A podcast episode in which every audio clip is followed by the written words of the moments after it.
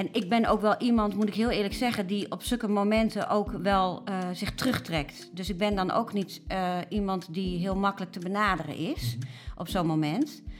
Uh, maar je voelt je wel heel eenzaam. Melanie is moeder van twee zoons. Haar jongste zoon Max heeft het syndroom van Down. De zorg voor Max zet daarvoor een stevige uitdaging.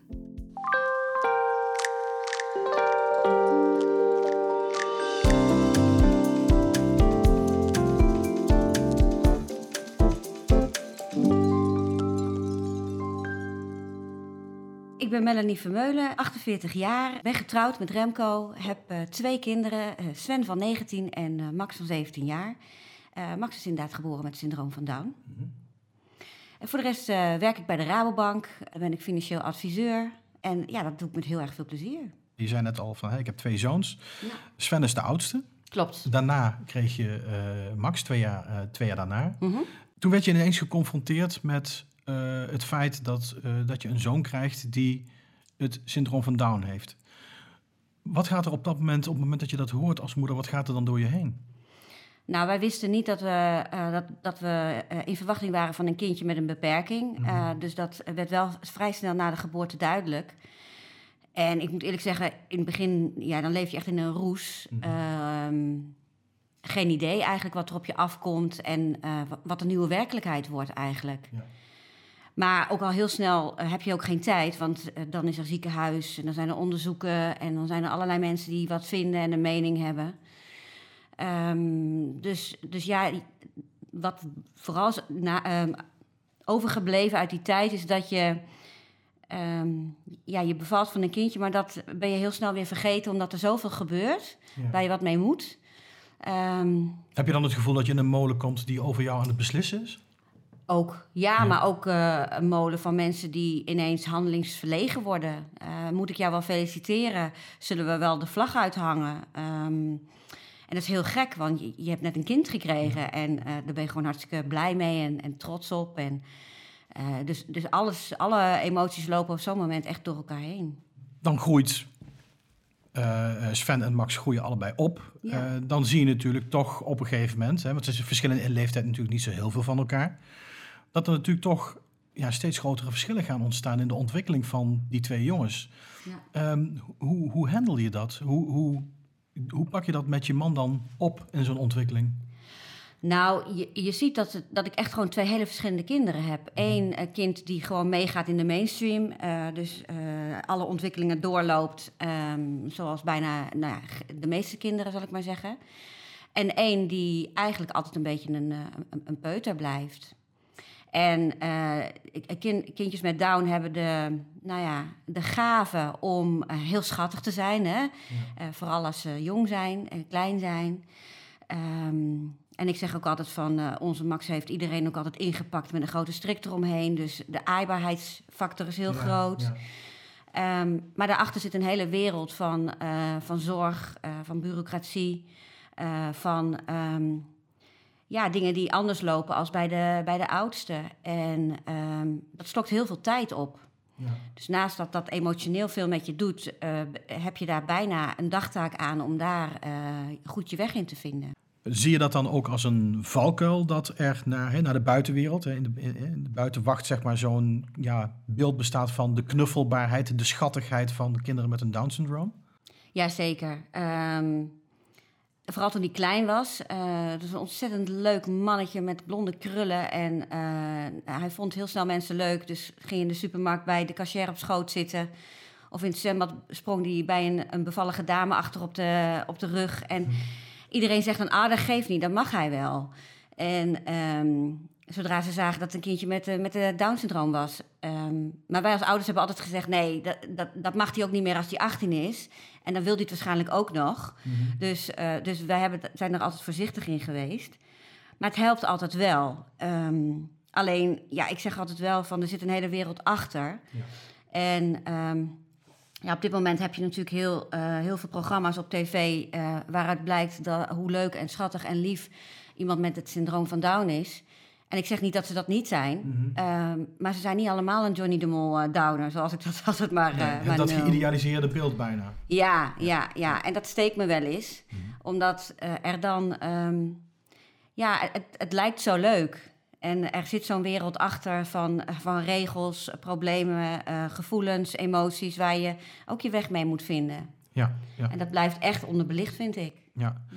Dan zie je natuurlijk dat, uh, dat alle twee de jongens opgroeien. Ze komen natuurlijk op, op een gegeven moment op een leeftijd dat ze ook verder uit elkaar gaan groeien. Dan ontdek je natuurlijk ook steeds meer dat, uh, dat Max toch Ehm, ja, een lager cognitief niveau heeft, dat hij een, lager, een, een hele andere emotionele ontwikkeling heeft. Ja. Dat verschil wordt natuurlijk steeds groter. Ja. Hoe, hoe, hoe ging dat dan in het gezin?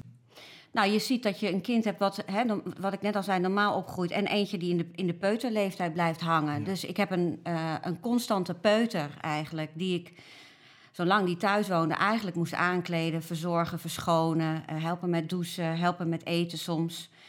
Um, um, die eigenlijk, als, ik, als hij uit school kwam, bij mij op schoot wilde zitten en geen kant meer op wilde. Tot een jongen die gewoon zijn eigen weg gaat eigenlijk. Uh, hè, die gewoon naar de middelbare school gaat, die vriendjes krijgt, die ondeugende dingen doet. En die een baantje krijgt, dat soort dingen. Ja. ja. Dan komt er ook een punt dat uh, de situatie zo wordt dat het gewoon heel moeilijk wordt om die thuissituatie nog te handhaven. Ja. En wat gebeurde er toen? Uh, nou ja, toen, toen de puberteit zich aandiende uh, bij de jongste, bij Max, um, wist Max niet zo goed meer wat er gebeurde. Tenminste, dat is mijn beschrijving ervan. Ik kan natuurlijk nooit het aan hem vragen. dat is bij normale pubers al een, ja. een ding, die gierende hormonen die door Precies. dat puberbrein gaan. Geef daar maar eens woorden aan. Ja, hè? En ja. als je dan een, een kind hebt die zijn emoties, Max kent blij en boos. En daartussenin heeft hij natuurlijk heel veel gevoelens en emoties, maar die kan hij niet benoemen. Mhm. En, en ja, echt een normaal gesprek zoals wij hebben, kun je ook niet met hem hebben. Mhm. Dus hij, um, ja, hij, um, zodra er emoties waren, dan ging hij dat uiten in de zin van uh, boos worden, uh, agressief worden, uh, niet meer uit bed willen komen, slaan op de ramen, ons ook echt aanvallen. Mm -hmm. En ja, op een gegeven moment dan voel je aankomen hoe lang kan ik dit nog, hoe lang is dit nog houdbaar? Ja. En we hebben heel, heel lang echt alles uit de kast getrokken, onszelf heel erg weggecijferd um, om het houdbaar te houden. Want ja, in mijn, wij hadden altijd zoiets, als hij twintig wordt, gaan we wel eens kijken dat hij ergens op zichzelf of ergens anders kan wonen dan hier. Mhm. Maar dan realiseer je dat dat punt veel dichterbij is als dat je had bedacht. Alleen dan gaat er in je hoofd wel iets mis, althans bij mij. Want dat verhield zich niet met goed moederschap. Um, ja. hè, hoe, hoe, hoe, zorg je voor je kind? Uh, hoe ga je daarmee om? Ja. Nou, want, je, hè, want je stipt nu inderdaad hè, goed moederschap. Ja. Hè, dat, dat is natuurlijk dan waar je dan toch altijd mee bezig bent. Ja. Want je hebt natuurlijk ook nog een andere zoon. Ja. Die daar natuurlijk ook mee te maken heeft. En ja, uh, uh, hoe, linksom of rechtsom zal, zo, hè, zal hij dus ook ervaren dat ja, eigenlijk bijna alle aandacht uitgaat naar die jongen die heel veel aandacht nodig heeft en ook moet krijgen. Klopt. wat, wat, wat gaat er dan bij jou om? om ja, want je, je hebt het over het moederschap. Wat gebeurt er dan? Want je realiseert je toch van, ik heb ook nog een andere zoon. Ja, nou, dat is eigenlijk toch wel een, een constante spagaat. Want uh, wij, wij, zijn op een gegeven moment wel uh, gaan beginnen met uh, een weekendopvang. Dus dat Max één keer in de, in de maand een weekendje uit ging logeren. En dan probeerden we echt regelmatig dat soort weekenden voor de oudste vrij te houden. Om echt iets leuks te doen. Uh, daar bewust tijd en aandacht aan te besteden. Maar je weet dat het niet genoeg is, omdat uh, door, door de dagelijkse gang van zaken moet die oudste zo vaak een stapje terug doen. Dus dat geeft constant conflict in jezelf, omdat je graag wil dat je ze allebei een beetje op een gelijke manier behandelt. Maar dat je ook weet dat dat gewoon helemaal niet lukt. Ja, en hoe, hoe staat jouw omgeving daar dan in? Hoe komen dan de reacties uit je omgeving? Want die zien dat natuurlijk vanaf de buitenkant, zien ze dat ook tot op zekere hoogte gebeuren. Wat krijg je dan voor reacties? Weinig. Want er wordt heel weinig over gesproken. En denk je dat dat, omdat, eh, is dat een bepaalde angst voor benadering of is dat een taboesfeer? Dat weet ik eigenlijk niet. Het, enige wat ik wel weet is dat het voor de buitenwereld altijd gaat om de zwakste schakel, zal ik uit zeggen. om, om de jongste met de beperking. En uh, ja, je hebt dan ook nog een oudste. Punt. Ja. Maar, maar daar heb je het eigenlijk niet over. Uh, je hebt het eigenlijk ook niet over hoe gaat het nou met jou? Of hoe is het nou met je man? Hoe houden jullie dat nou allemaal een beetje ja. bij elkaar? Eh, gaat het met jullie huwelijk nog wel goed? Dat zijn dingen die, die zijn voor de buitenwereld eigenlijk geen onderwerp. En er komt een punt waar je op een gegeven moment natuurlijk tegen jezelf aan bent gelopen. Ja, absoluut. En wanneer kwam dat? Wat, was daar een bepaald iets dat er op een gegeven moment een, een, een knop omging? Of is dat toch een, ja, een, een, een proces geweest waar je langzaam naartoe groeit, waar je op een bepaald moment zegt van, nu ben ik eigenlijk over, over mijn eigen schreef heen gegaan? Nee, toen, toen Max geboren was, toen het eenmaal helder was dat hij, uh, dat, dat hij lichamelijk niets mankeerde, hè, want dat kan natuurlijk ook bij het syndroom van Down het geval zijn, dat ze het hartje wat hebben of zo. Mhm. Toen uh, kreeg ik zelf al heel erg slaapproblemen. Um, um, en uh, toen ben ik al even bij een psycholoog geweest om eens te praten over wat overkomt je nou als je een kindje met een beperking krijgt uh, hoe ga je daarmee om? En uh, hoe ga ik er ook weer voor zorgen dat ik een beetje nachtrust krijg? Um, toen ben ik ook begonnen aan antidepressiva. Mm -hmm. En dat is jaren eigenlijk best goed gegaan. ik had een onderhoudsdosis antidepressiva en ja, um, altijd wel goed op mezelf moeten letten. Hè? Voldoende slapen, mm -hmm. dat soort dingen. Um, maar uh, dat ging eigenlijk nou, best lang goed tot de periode dat uh, bij Max dus die puberteit zich aandiende en ja, het leven gewoon echt heftiger werd. Uh, wij stonden 24 uur per dag aan, letterlijk aan. En 24 uur per dag was het stressniveau gewoon heel hoog. dus als hij gekke beweging maakte, reageerden wij al. Ehm, hij maakte heel veel brillen stuk. Nou ja, als iemand ergens met een bril binnenkwam, dan was het al, oh, paniek. Hè? dus, ehm, en, je, en je merkt pas als je vier, dat je 24 uur hebt aangestaan... op het moment dat je dat niet meer uh, hoeft. Hè? Want dan kom je er pas achter van, hé, hey, dat is gek. Hè, de, dat gevoel van stress of constant met je schouders omhoog lopen... dat, dat hoeft niet meer. Dat heb ik dus blijkbaar altijd gedaan.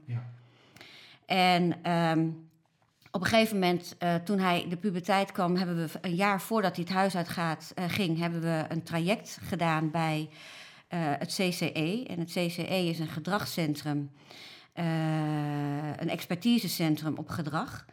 Het is een landelijk centrum. dat is in het leven geroepen toen die Jolanda Adriaanse, voor een heleboel mensen ja. nog wel bekend, ja.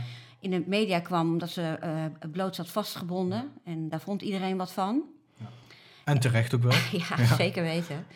En dat centrum, dat is er. En daar, ja, daar kun je gelukkig gebruik van maken. En uh, die zijn bij ons uh, nou, in het gezin meekomen lopen en kijken van wat gebeurt er en waar is behoefte aan en wat kunnen we helpen.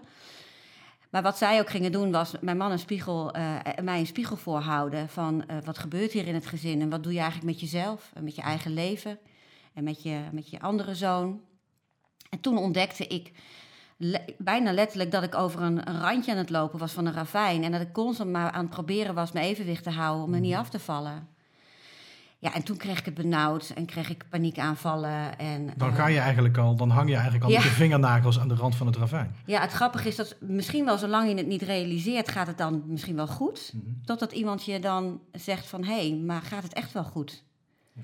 En toen ging het niet meer goed. Ja, dan krijg je de, de, de zelfreflectie en dan komt er eigenlijk ja. uit van, ja. Dan komt er natuurlijk ook het moment dat hij echt uit huis gaat. Ja dan kom ik ook weer even terug op dat, dat moedergevoel. Mm. Want dat is toch iets anders van mijn zoon gaat op kamers. Ja, dat is, dat is de hel, als ik het even zo mag uitdrukken. Ja, um, ik zei het straks al, je, je, je weet in een gedurende een bepaalde periode, uh, het is niet meer houdbaar. Je moet daar ergens een keer aan. Maar het is de olifant in de kamer, hè? je praat daar niet over. Want je weet wel, zodra ik erover ga praten, is het niet meer weg. Hè, mhm. dan, uh, dan, dan, zijn we, dan is het er. Ja, ja dan, ja, hebben we, zijn we een drempel overgegaan. Um, maar mijn man zei heette tegen mij van, zo, zodra jij de, uh, zolang je er nog niet klaar voor bent, uh, voor mijn gevoel, en dat heeft hij ook wel uitgesproken, was hij daar eerder klaar voor dan dat ik dat was. Mm -hmm. En toen gingen we nog in een zomer uh, op vakantie naar Kroatië. En dat was achteraf niet zo heel slim om, je, om onze Max daarmee naartoe te slepen. En onze oudste. Ja. Maar je denkt dan toch, ach, daar is een zwembad en dat vindt hij fijn. En, Afleiding, ja. andere wereld, andere omgeving. Precies, ja. en de kinderdisco, dat vindt hij fantastisch. En laten we dat nou maar doen. En, en toen gebeurde er iets. En toen zei de oudste, uh, mam, het is hij eruit of ik eruit. En dan zegt jouw 15-jarige over jouw 13-jarige man, maak jij die keuze nu maar. Ja, en dat is natuurlijk wel even een confrontatie. Jeetje, nou, ik, ik zie mezelf nog langs het strand lopen en dat, Ja. dat hij dat tegen mij zegt. Ja. Ja, en dan moet je daar iets mee, want dan, is die, dan kan je dat niet meer wegdenken natuurlijk. Nee. En hoe zie je dan ook hoe de, regeer, hoe de, of de regering, hoe de omgeving daarmee omgaat? Op het moment dat je dus de beslissing neemt van, eh, jongen, eh, ja, luister, eh, een van mijn twee zoons kan niet meer thuis blijven wonen. Ja, nou in het begin was ik daar helemaal niet mee bezig, want dan kom je weer in een soort van roes terecht. Eh, ik had op dat moment geen werk. Ik was boventallig bij Achmea. En zat toen ook thuis. En dat was misschien ook wel heel goed, hè? Want er was ook niet echt veel ruimte voor iets anders. Maar dat betekent ook dat je wereldje ook best wel klein is op zo'n moment. Ehm, en op zo'n moment ben je echt alleen maar aan het overleven. Van, eh, en, en is pure rouw eigenlijk. Mhm. En, eh, maar je hebt wel te dealen met opa's en oma's. Ehm, Ja.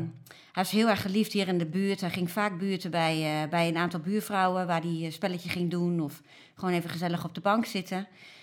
En die zagen natuurlijk ook wel dat het misging. En ineens was Max er niet meer. Mhm. En in het begin kon hij ook echt niet meer naar huis. Dus hij was ook echt even weg. Hij was van toneel. Ja, dus dan moet je wel...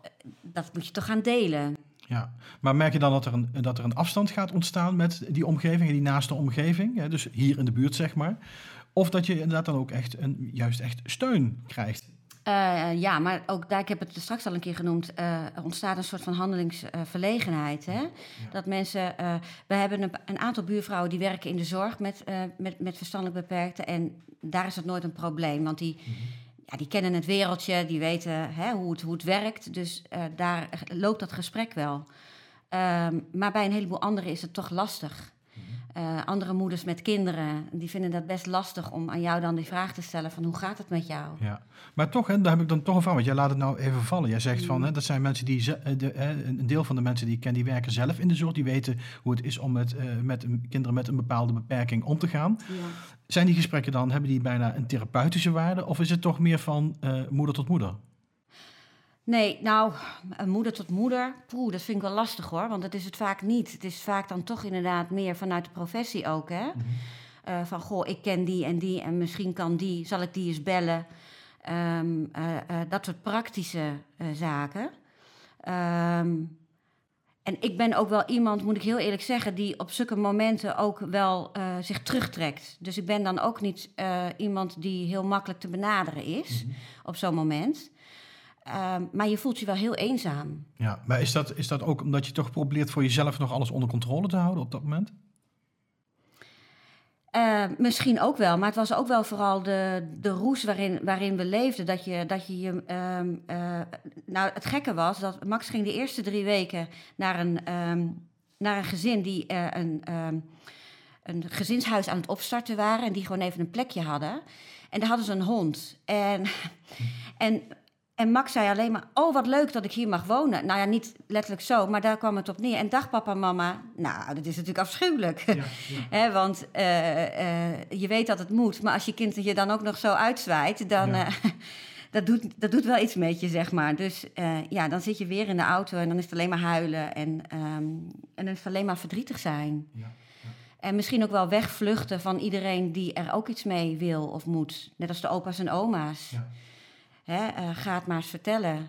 En, eh, en opa's en oma's die dan ook denken van het zal allemaal wel meevallen. Kom maar maar een poosje bij mij brengen. Ja, Eh, maar die niet in de gaten hebben hoe het dagelijks in je gezin verloopt. ja, Want op een gegeven moment stop je ook een beetje met delen. Hè? Want eigenlijk, eh, ehm, het is alleen maar ellende. Tenminste, Mhm. je hele leven ben je alleen maar bezig aan het redderen. Dus ehm, zorgen dat hij 's morgens in de bus komt en dat, dan heb je er al een dagtaak op zitten. Mhm. Max smeerde in die tijd heel erg met ontlasting.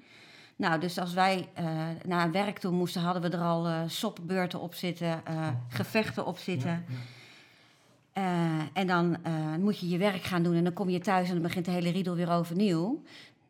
Hè, dus je, ja, je bent zo aan het overleven dat je ook niet meer ruimte hebt om andere mensen überhaupt ook toe te laten. Hè? Dus het is ook best te begrijpen dat mensen dan ook niet meer zien en weten hoe heftig het eigenlijk is. Ja, maar dan komt er ook een punt, hè, anders zouden wij hier misschien ook niet aan tafel zitten. Ja. Eh, dan komt er ook een punt dat je hè, een bepaalde mate van acceptatie, dat je hè, leert leven met die nieuwe modus die er is ontstaan. W- wanneer kwam dat punt? Niet? Nog steeds niet. Nee. Maar Nee. ehm, je kunt er wel over praten. Je Ja. vertelt het nu. Ja. Ehm, hoe sta je daar nu in? Eh, nou ja, je hebt de ratio en, en de emotie. En eh, rationeel weet ik heel goed dat het eh, ontzettend goed is voor hem, mij, mijn man en vooral de oudste zoon ook, dat hij niet meer dagelijks hier woont. Ehm, maar emotioneel vind ik dat nog steeds buitengewoon ingewikkeld. Afgelopen, hij heeft de afgelopen twee jaar heeft Max op een, een woonplek gewoond in Deventer. We zijn nu hier in Apeldoorn, maar hij woonde dan in Deventer. Eh, en daar ging het niet goed met Max. Eh, Max werd daar geconfronteerd met een bewoner die eh, agressief was. Hij werd zelf niet echt gezien en hij was in paniek vaak. Ehm, maar dat kan hij niet vertellen. Dat kan hij alleen maar uiten door bijvoorbeeld het brandalarm in te drukken, wat hij veelvuldig deed. Eh, de brandweer in Deventer is heel vaak uitgerukt, kan ik je vertellen. Ja, je kunt erom lachen, maar Ja. er zit natuurlijk wel iets achter. Ja. Nou ja, goed. Aan de andere kant denk ik ook van als je het eh, bekijkt van hij heeft letterlijk gezegd, jongens, eh, eh, er is alarm. En Ja. dat kan ik je alleen maar vertellen en duidelijk maken door op dat alarm te drukken. Dus in zoverre vind ik het ook wel iets moois hebben. Alleen de nasleep is iets minder. Hè? Idee prima, uitvoering iets minder, zeg maar zo. Ja, ja, ja. Ehm, maar ehm, eh, daar heeft hij het heel zwaar gehad. En hij eh, werd, ehm, lichamelijk ging het niet goed met hem. En toen ging hij mij aanvallen.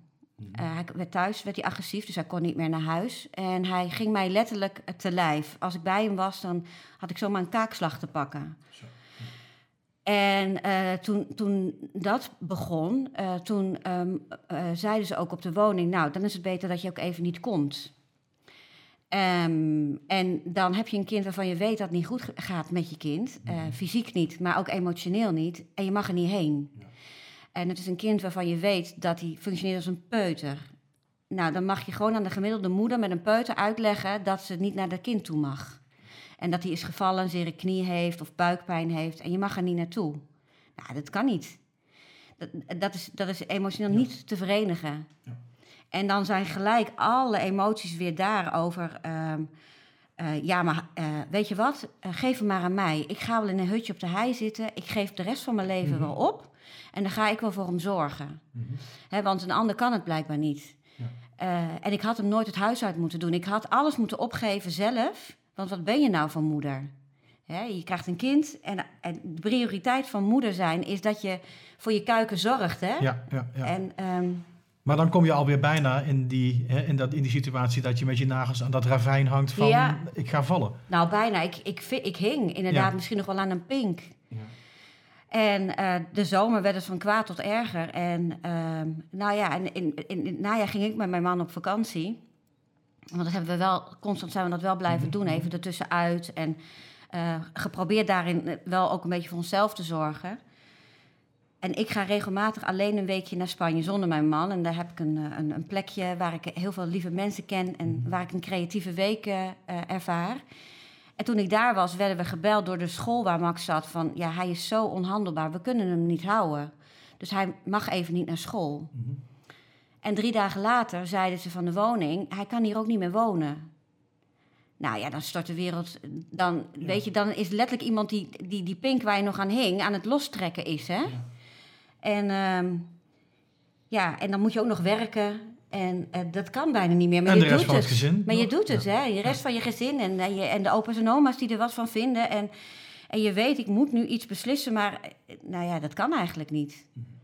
Nou, toen hebben we mijn zoon verhuisd naar een tijdelijke plek hier in Apeldoorn, waarvan we weten dat, dat, dat het goed is. En er kwam een beetje rust. En toen was ik weer een keer bij hem, want dat mocht gelukkig weer. En toen viel hij me weer aan. En toen was het voor mij de druppel. Mhm. En toen kon ik niet meer functioneren. Ja. Dus toen kon ik eh, niet meer slapen. Ik kon, ik kon de simpelste dingen, handelingen op mijn werk, kon ik niet meer uitvoeren. Paniekaanvallen, eh, tot overgeven aan toe. Gewoon midden in de nacht huilen, overgeven, paniek, stress. Ehm, Ja, dan heb je inderdaad die laatste pink wel losgelaten Ja. van dat ravijn, die Ja. van het ravijn. ja, ja. Maar hoe kom je daar weer uit?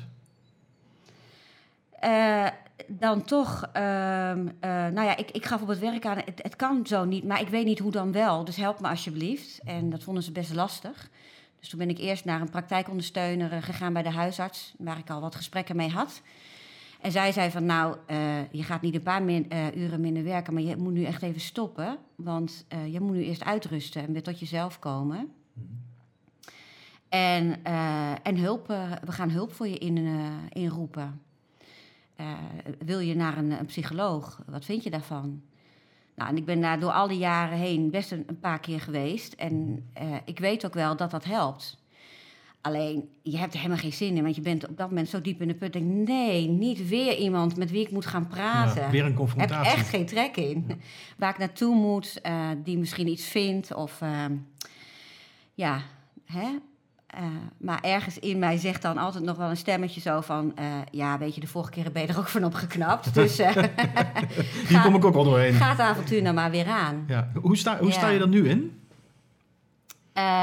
Hoe ik me nu voel? Of... Ja.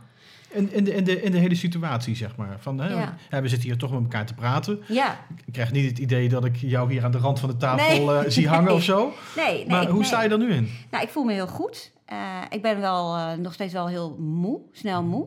Maar ik voel me heel goed. Ik ben mijn werk weer aan het opbouwen. Ik heb bij de psycholoog... mijn vraag was echt bij de psycholoog... hoe word ik weerbaar? Want zo'n zo'n situatie gaat me weer overkomen. En... eh, hoe ga ik er dan voor zorgen dat iemand mijn pink niet los kan maken? Of Ja. misschien dat ik gewoon überhaupt niet over die rand heen val. En ehm, dat heeft me heel erg goed gedaan. Dus je moet het beest toch wel in de bek kijken eigenlijk. Ehm, en als je dat doet, dan helpt dat dus blijkbaar wel weer. Ja, Ja, dus toch de confrontatie ook aangaan. ja de confrontatie met je emoties aangaan, eh, met je gedachten. wat mij ontzettend heeft geholpen is dat, eh, dat ze me aanraden van ga een dagboek bijhouden. En toen dacht ik in het begin, nou echt not. Moet ik het ook nog gaan opschrijven, zeg. Ja, Allemachtig, dat ga ik echt niet doen. Maar toen, ik ben er op een gegeven moment wel mee begonnen. En dat helpt me enorm om al, alle gedachten en eh, chaos en warboel gewoon aan het papier toe te vertrouwen. Ehm, om het uit elkaar te rafelen eigenlijk. Ja. Ja. Ik Denk, eh, we kunnen- het is moeilijk om te praten natuurlijk over eh, eh, probleemgerichtheid, probleem, oplossings, eh, het oplossing van een probleem. Mhm. Maar denk je dat er, dat er eigenlijk wel altijd sprake moet zijn van een combinatie van het bij jezelf de confrontatie aan durven gaan, maar ook met steun vanuit je omgeving? Ja, eh, en, en voor omgeving heb ik wel, wel een tip. Want ehm, eh, zoals ik, als het niet goed met me gaat, dan zeg ik altijd... dan ben ik net een uh, momfort de mol, dan wil ik gewoon onderduiken. En val me alsjeblieft niet lastig. Hè. Doe maar net of ik er niet ben, weet je wel. Eh, maar dat helpt niet. Dus, eh, eh, en dan aan de omgeving zou ik willen zeggen... ook al word je tien keer afgewezen door iemand die in de put zit... eh, eh, blijf gewoon proberen diegene eruit te trekken en mee te nemen naar buiten... Eh, wandelen, praten, koffie drinken, een wijntje doen, wat mij betreft. Eh, of iets anders leuks. Want eh, nou, dat is echt, daar zit het begin van, eh, van opknappen wel voor mij Ja. ook. Het, het zit dus gewoon ook in hele kleine dingen soms. Ja. Gewoon hele normale, alledaagse dingen bijna. Ja, ja. Nou ja, kijk, je zet jezelf buitenspel eigenlijk hè, op zo'n moment. Want je doet op je werk even niet meer mee. En dat is, denk ik, voor mij was dat best goed om even iets van mijn bordje te halen. Maar die sociale omgeving is dan ineens ook weg. En ehm, eh, dus daar doe je dan niet meer mee. En eh, je blijft een beetje tussen de vier muren zitten. Want eh, voor de rest gaat bij iedereen het leven gewoon weer door. En ehm, Dan kom je dus in die neerwaartse spiraal. ja, Gaat die spiraal nu weer omhoog? Ja, die, gaat, ja, die is zeker al een heel eind omhoog. Ja, ja ik, kan me, ik kan zeker zeggen dat ik, me, dat ik me vandaag gewoon echt wel goed voel. Ehm, en daar ben ik ook nog steeds actief mee bezig. Zoals gisteravond een avondje mindfulness gedaan. En Mhm. heerlijk zitten filosoferen over gedachten. Wat, dat, wat dat met mensen kan doen. En hoe je daar eh, wellicht eh, wat beter mee om kan gaan. Ehm, maar inderdaad, ook je wel je rust pakken, maar ook mee blijven doen. Dus wel een paar uurtjes gaan werken. eh, wel bij je collega's zijn. ehm, eh, en het, het hoeven geen grote dingen te zijn, maar wel mee blijven doen. Dat vind ik eigenlijk wel een heel mooi einde voor nou, dit gesprek. ik ook. Dankjewel Melanie Vermeulen. Ja, graag gedaan. Dankjewel.